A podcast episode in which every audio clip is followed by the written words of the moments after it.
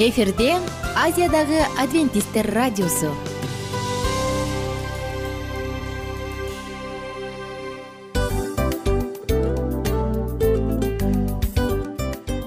Достор салют. Баардык сүйүктүү угармандарыбызга салам айтабыз. Кутман күнүңүздөр менен. Ден соолук өмүрдүн булагы демекчи саламат саамы программасында баарыңыздарды көргөнүбүзгө абдан кубанычтабыз. Анда алгач амандашып өтөлү арбаңыздар деп. Ден соолугуңуздар кандай элибизде көбүнчө ден соолук кандай дегенде эле жакшы деп жооп беребиз э? ооруп турсак дагы жакшы дейбиз. Анан мен муну айтып ойлойт элем бул абдан сонун сөз депчи анткени бул жакшы деген үмүт да э баары жакшы болот. Баары сонун. Деп үмүттөнүп атып эле өзүбүздү өзүбүз дарылап коебуз. Анысы кандай? Сиздин дагы ден соолугуңуз жакшы беш деген үмүттөбүз чындыгында ден соолук бул өмүрдүн булагы деп бекеринен айтылган эмес деп ойлойм. Кыргыз элинде анткени эгерде ден соолук жок болсо анда адамдын жашоосунда калган баардык керектүү маңыздуу нерселер өзүнүн баалуулугун жоготуп коет. Ошондуктан ден соолук бул эң керектүү нерсе. Ооба туура айтасың кесиптешим. Чынында ден соолугуң жок бир эки үч күн ооруп калсаң эле э кандай болуп калат? Жашоодо көз каранды болуп каласың көп нерсеге жетишпей каласың көп нерсени кыла албай каласың жада калса эшикке дүкөнгө да чыга албай каласың. Туптуура анан ден соолук болсо демек биз биздин бактыбыз тотой деп койсок болот. Анда достор саламат рубрикабызды баштайлы. Алдыда өзүңүзгө керектүү болгон сонун кеңештерди уга аласыздар. Мына ошондуктан биз менен бирге болуңуздар. Ал эми биз болсо милан жана айнура. Кеттик алга. Алга саламат саама ден соолуктун жарчысы. Саламат саама ден соолуктун ачкычы. Күн сайын сиз үчүн мыкты кеңештер сонун жаңылыктар кызыктуу фактылар биздин рубрикада.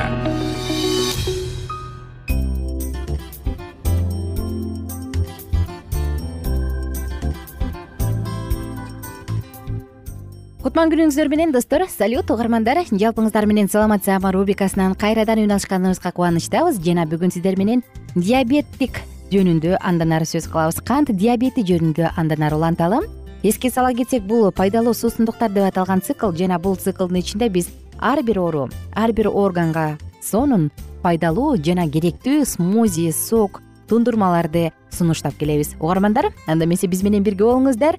Бүгүн дагы биз диабетиктерге кайрылуу жасагыбыз келет. Эске салсак биз мурунку уктуруубузда диабеттик кандай оору жана анын кандай түрлөрү бар экендигин айтканбыз.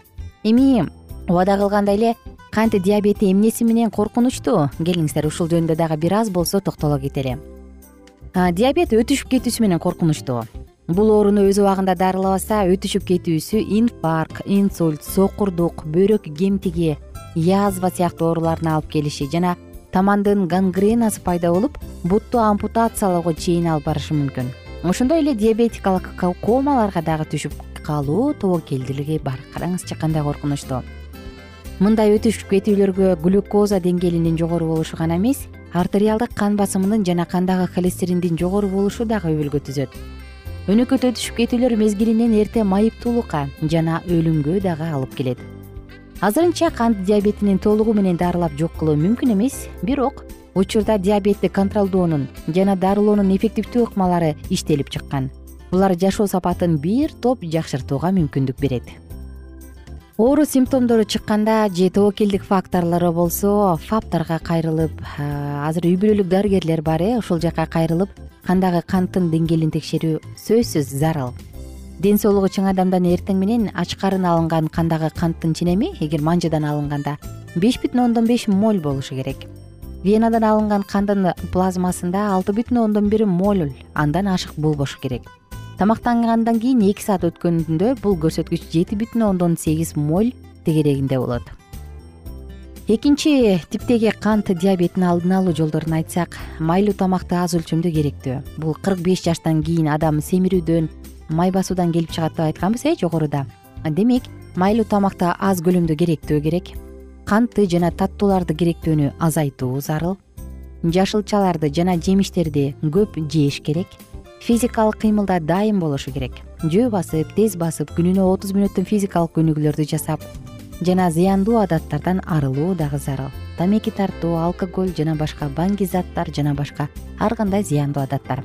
Анан азыр жыйырма биринчи кылымда эң эле коркунучтуу оорулардын катарын толуктап келаткан семирүү май басуу болуп келе жатпайбы. Адамда физикалык каттүүлүктүн жетишсиздиги болуп келатат караңызчы ушундан улам адам жаш болсо дагы эрте эле ооруп калып атат э. Мына ошол себептен улам көбүрөөк кыймылдап күнүнө отуз кырк мүнөт тез тез басып өзүңүзгө көңүл буруп жагымдуу маанайды жакындарыңыз менен өткөргөнүңүз туура болуп эсептелет бүгүн сиздер менен бирге достор биз антидиабетикалык жашыл сок деп аталган соктун рецеби менен бөлүшөлү деп турабыз. Эң эле жеткиликтүү кыргызстанда дагы оп оңой табасыз тапкандан мурун дагы бул эң кеңири таркалган арзан жеткиликтүү. Ошондуктан жаздырып алганга аракет кылыңыз.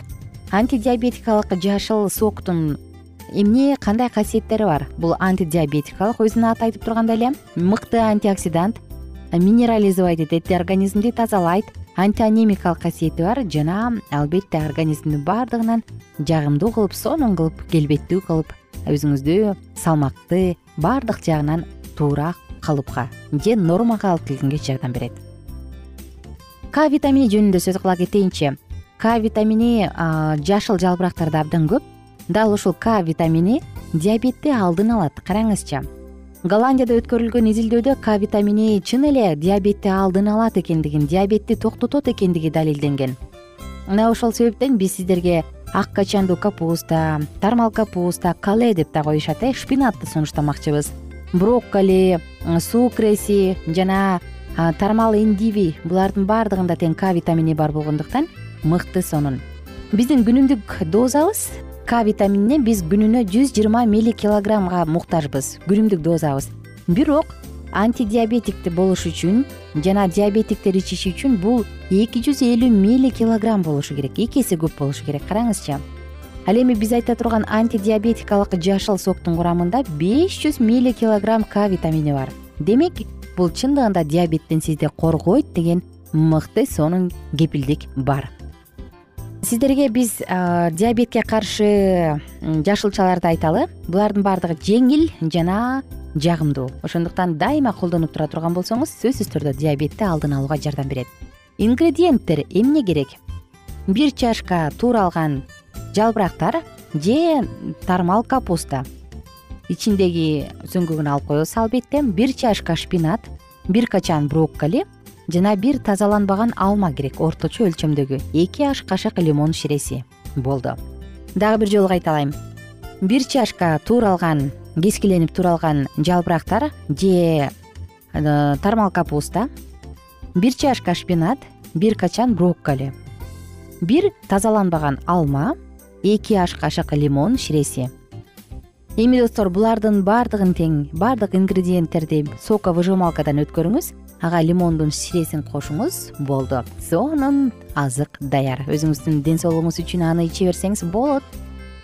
Мына достор караңызчы жөнөкөй э болгону жашыл жалбырактар. Биздин базарда жуусайдан укроптон баштап ашкөктөрдүн түрү менен сатылат. Шпинат дагы бар капустанын түрлөрү бар баардыгы жеткиликтүү диабетке чалдыгып калып коркунуч менен жашагандан көрө аны алдын алган жакшы. Негизи эле кандай гана оору болбосун ага кабылып анан дарыланганга караганда алдын алган жакшы деп билет эмеспизби ошондуктан жашылча жемиштерди көбүрөөк жеңиз өзүңүздүн саламаттыгыңызга кам көрүңүз жана оорубаңыз а мен болсо сиздер менен коштошчу учурга келип калдым достор. Диабетиктерге кайрылат элек өзүңүздүн саламаттыгыңызга кам көрүңүз. Сиз жашашыңыз керек болгондо дагы бактылуу жашашыңыз керек кийинки уктурууда дагы диабетиктерге сонун маалыматтарды айтып беребиз. Ошондуктан кийинки уктурууну дагы калтырбаңыз. Күнүңүздөр көңүлдүү улансын. Бар болуңуздар бай болуңуздар жана эч качан эч качан оорубаңыздар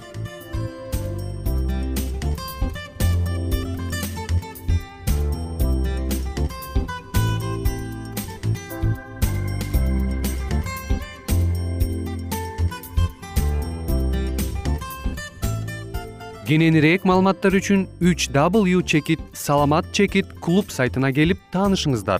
Жана андан тышкары социалдык тармактарда youtube facebook жана instagram баракчаларына катталыңыз.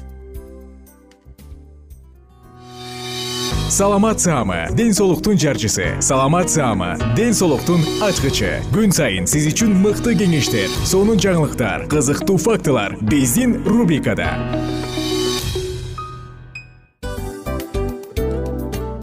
салам достор. Кайрадан биздин сүйүктүү рубрикабызга кош келиңиздер деп айтмакчыбыз.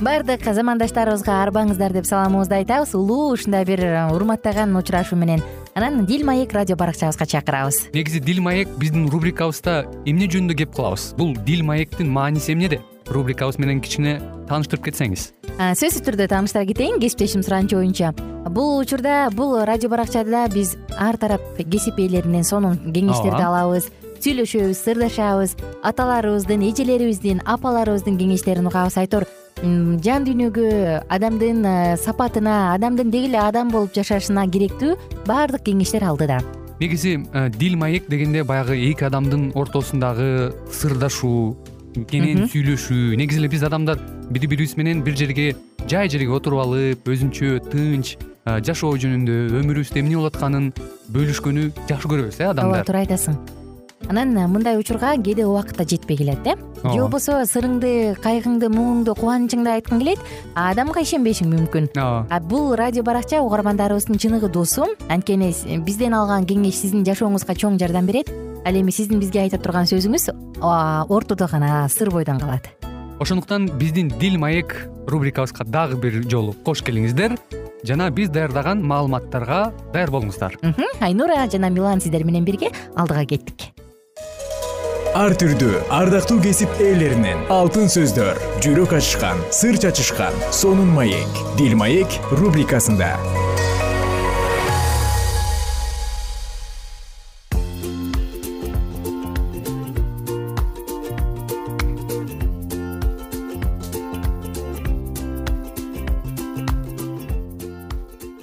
Кутмандуу күнүңүздөр менен биздин сүйүктүү угармандарыбыз жалпыңыздар менен кайрадан амандашып жагымдуу саатыбызды баштадык жана бул саат мариям жөнүндө болмокчу. Тагыраак айтканда бул дил маек уктуруусу жана баардык угармандарыбызды маектешүүгө баарлашууга чакырабыз чындыгында. Азыркы учурда маектешүү баарлашуу жан ачышып сыр ачышып чачырышуу э канчалык деңгээлде жетишсиз болуп жатат. Э, сиз дагы мага кошулат болушуңуз керек. Анткени ар бир адам чындыгында түйшүктөн күнүмдүк э, турмушундагы ар кандай учурлардан жумуштан бошобойт дагы бири бирибизге жөн гана маектешип отуруу э, ушундай бир чоң кыйынчылыкты жаратып калган чагы мына ошондуктан эгер сиз дагы жан дүйнөңүздүн жалгызсырашын каалабасаңыз анда биз менен бирге болуңуздар. Достор дил маек уктуруусу жана бүгүн сиздер менен бирге мариям аялдардын ичинен эң баталуусу деп аталган темабызды улантабыз бул сегмент биз сиз менен буга чейин окуп келгендей эле аял жубай жана эне деп аталган жагымдуу сегментти андан ары улантабыз жана бул учур дагы албетте сизге жакшы жагымдуу учурларды тартууласын анда эмесе алдыны көздөй жөнөдүк. Ал муну башка уулдары менен келип аны менен сүйлөшүүгө аракет кылганда дагы бир жолу сезди ыйсага кимдир бирөө энең инилериң карындаштарың сыртта сени чакырып жатышат деп айтып келди. Ал болсо менин энем жана бир туугандарым ким? деди да ким кудайдын эркин аткарса ошол менин иним карындашым жана энем деп жооп берди. Ыйса күнүгө сүйлөшүп жүргөн шакирттери менен энесин бирдей көрөт.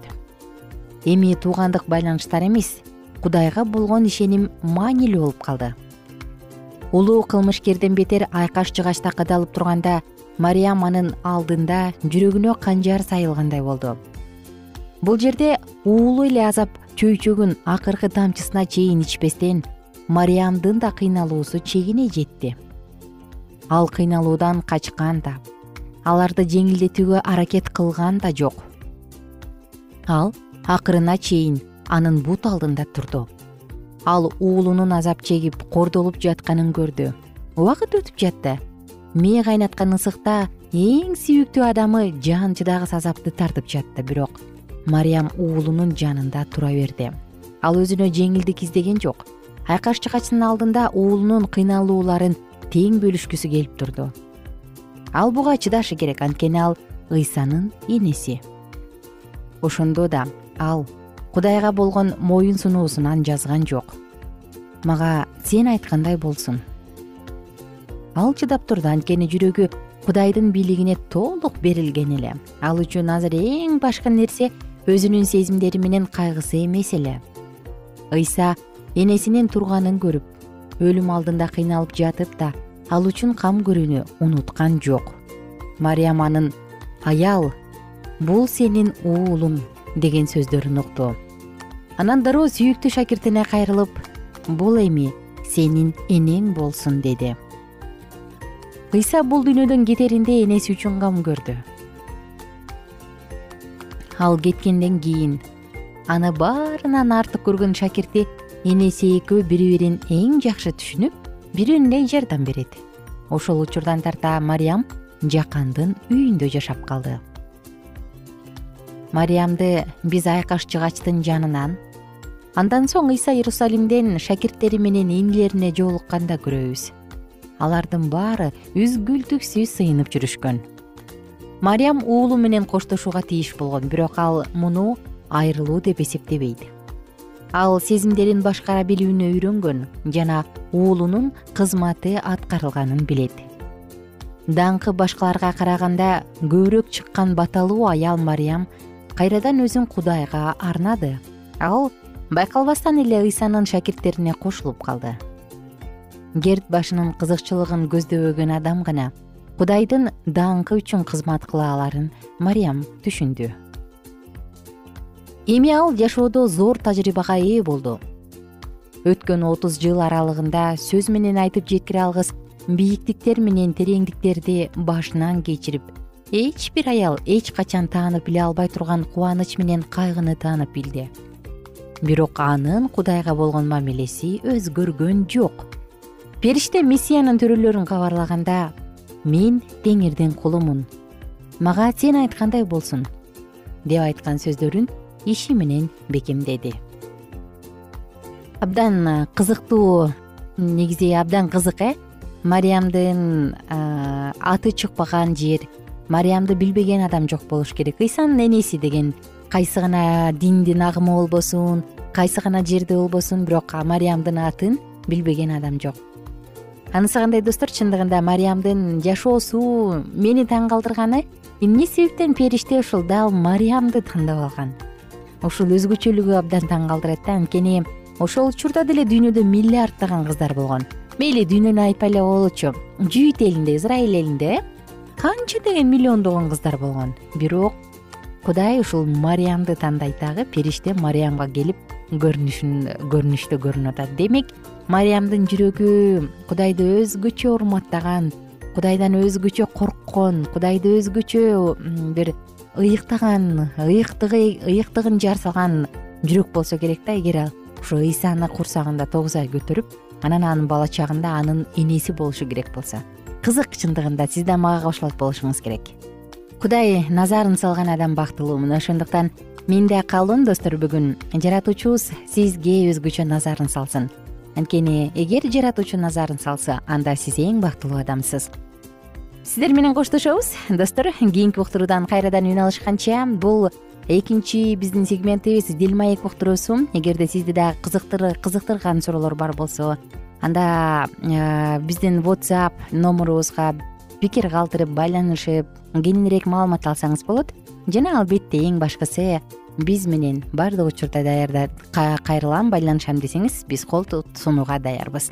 Кайрадан сиздер менен амандашканча күнүңүздөр көңүлдүү улансын. Бар болуңуздар жана бай болуңуздар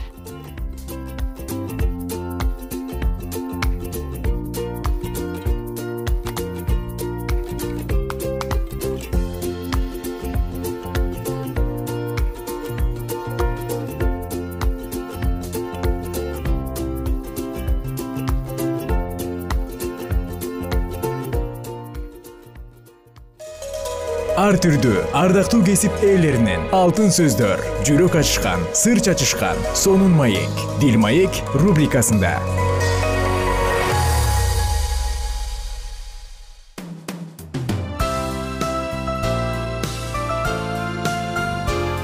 Эфирде азиядагы адвентисттер радиосу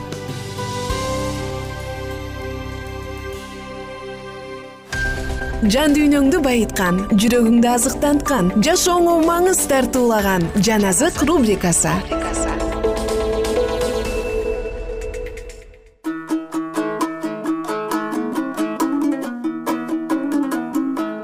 Кутман күнүңүздөр менен замандаштар салам достор. Жалпы биздин сүйүктүү досторубузга ысык сагынычтуу салам айтып кайрадан сиздер менен бирге жан азык рубрикасындабыз. Жана достор уланта кетсек бир аз эске салсак биз эски осуяттан орун алган эски осуят китебиндеги ош уя китебин окуп жатканбыз. Маалыматыбызды андан ары улантып сонун саатыбызда биз менен бирге болуңуздар. Ошуя китеби онунчу бөлүм. Ысрайыл жемишти көп берген жүзүм сабагы. Ал өзүнүн жемиши канчалык көбөйгөн сайын курмандык чалынуучу жайларын ошончолук көбөйттү анын жерлери канчалык жакшы болгон сайын жасалма кудайларын ошончолук кооздоп жатат. Алардын жүрөгү бөлүндү. Ошон үчүн алар жазаланышат алардын курмандык чалынуучу жайлары талкаланат. Жасалма кудайлары кыйратылат.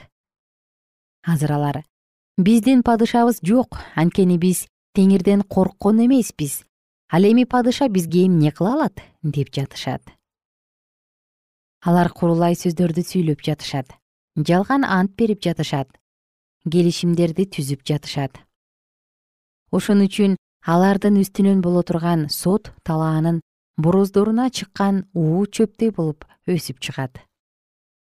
Самария тургундары бейтабендеги музоо үчүн титирешет. Анын эли ал үчүн ыйлайт ал тууралуу кубанган анын буткана кызматчылары. Анын атак даңкы жөнүндө ыйлашат. Анткени андан атак даңк кетет. Ал өзү да жареп падышага тартуу катары ашурга жөнөтүлөт. Эпрайым уятка калат ысрайыл өз ою үчүн маскара болот. Самариянын падышасы суунун үстүндөгү көбүк сыяктуу жоголот ысрайылдын күнөөсү болгон абен бутканалары талкаланат. Алардын курмандык чалынуучу жайларына тикенек жана төө тикен өсүп чыгат. Алар тоолорго бизди жапкыла дешет адырларга биздин үстүбүзгө кулагыла дешет. Ысрайыл сен гиба күндөрүнөн бери күнөө кылып келе жатасың. Алар күнөө кылууну токтотушкан жок. Мыйзамсыздыктын уулдарына каршы гибада болгон согуш бизге жетпейт деп ойлошобу? Мен аларды өзүмдүн каалоом боюнча жазалайм аларга каршы элдер чогулат. Алар өздөрүнүн эки кылмышы үчүн байлоого алынышат. Эпрайым үйрөтүлгөн. Дан бастырууну жакшы көргөн кунаажын анын жоон мойнуна моюнтурукту мен өзүм салам. Эпрайымды минишет. Жүйүт жер айдайт жакып малалайт адилеттикти сепкиле ырайымдуулукту уруп аласыңар. Дың жериңерди айдагыла ошондо ал келип үстүңөргө адилдикти жамгырдай төгөт. Анткени теңирди издей турган убакыт келди. Силер жамандыкты эккенсиңер. Ошондуктан мыйзамсыздыкты оруп алып жатасыңар. Жалганчылыктын жемишин жеп жатасыңар. Анткени сен өз жолуңа жана жоокерлериңдин көптүгүнө үмүттөнгөнсүң. Ошон үчүн сенин элиңдин ичинде дүрбөлөң болот. Согуш күнү шалман бейт арбелди кыйраткандай сенин бардык сепилдүү шаарларың кыйрайт. Ошол согушта энеси балдары менен кошо өлтүрүлөт. Силердин чектен чыккан жаман иштериңер үчүн бейтел силерге мына ушуну кылат. Ошия китеби он биринчи бөлүм. Таң атканда ысрайыл падышасы өлөт. Ысрайылды мен жаш чагынан сүйдүм. Мен уулумду мисирден чакырып алдым. Аларды чакырып жатышты. Бирок алар улам алыстап жатышты. Алар баалга арнап курмандык чалып буркандарга жыпар жыттуу зат түтөтүп жатышты мен өзүм эпрайымга басканды үйрөткөм. Мен аны өз колума салып көтөрүп жүргөм. Алар болсо өздөрүн айыктырып турган мен экенимди билишкен жок. Мен аларды адамдык байланыш менен сүйүү байланышы менен алып жүрдүм. Мен алар үчүн алардын ооздугун алып салган кишидей болдум. Эңкейип аларга тамак берип турдум. Ал мисирге кайра барбайт бирок ашур анын падышасы болот анткени алар мага кайрылууну каалашкан жок. Ошон үчүн анын шаарларына кылыч шилтенет дарбазаларын талкалайт аларды өздөрүнүн жаман ойлору үчүн жеп жутат. Менин элим менден баш тартканын койгон жок. Аны жогору жакка чакырышса да анын ичинен эч ким көтөрүлгөн жок. Эпрайым сени кантип салып берейин? Ысрайыл сени кантип таштап коеюн сага кантип адамага кылгандай? Себайимге кылгандай кылайын? Менин жүрөгүм өзгөрүлдү. Менин бүт аюум ойгонду мен өзүмдүн катуу каарым боюнча кылбайм. Эпрайымды жок кылбайм. Анткени мен кудаймын. Адам эмесмин. Силердин араңарда ыйыкмын мен жок кылуучу каарым менен келбейм. Алар арстанга окшоп үн салган теңирдин артынан жөнөшөт ал үн салганда батыштагы уулдар титиреп келишет. Алар мисирден куштардай болуп ашур жеринен көгүчкөндөрдөй болуп талпынып келишет. Ошондо мен аларды үйлөрүнө киргизем дейт теңир. Эпрайым мени алдамчылык менен ысрайыл амалкөйлүк менен курчады. Жүйүт болсо кудайга ишенимдүү ыйыкка ишенимдүү болгон жок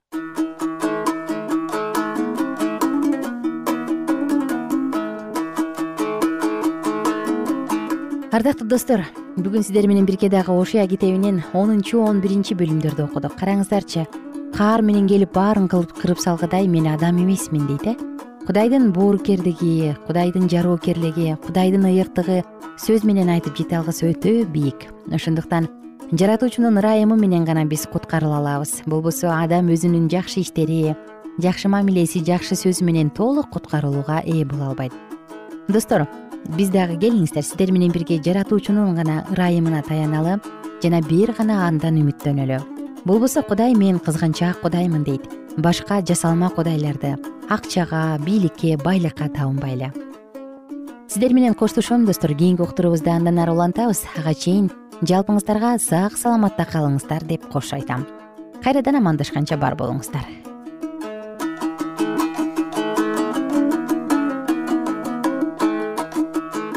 эгер сиздерде суроолор болсо же көбүрөөк маалымат билем десеңиз анда биздин whatsapp номерибизге жазыңыз. Плюс бир үч жүз бир жети жүз алтымыш алтымыш жетимиш. Кайрадан плюс бир үч жүз бир жети жүз алтымыш алтымыш жетимиш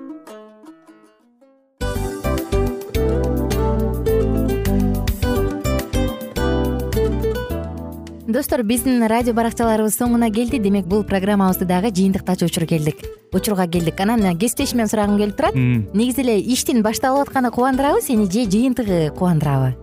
Албетте жыйынтыгы. Себеп дегенде сен кылган ишиңдин жыйынтыгын көрүп э, баягы мөмөсүн көрүп дегендей жыргайсың. Жүрөгүң жемишинен тартып э кандай даамдуу деп. Баягы буудай сепкенде эмес буудай эгинди жыйнагандан кийин ысык нанды жегенде кадимкидей ырахаттанасың го. Ой айтпа туура айта кеттиңиз. Сонун салыштыруу болду. Анан мен дагы абдан кубанып турам. Анткени биз угармандарыбыз үчүн аябай эмгектенип келген уктуруубуздун соңуна келип калдык.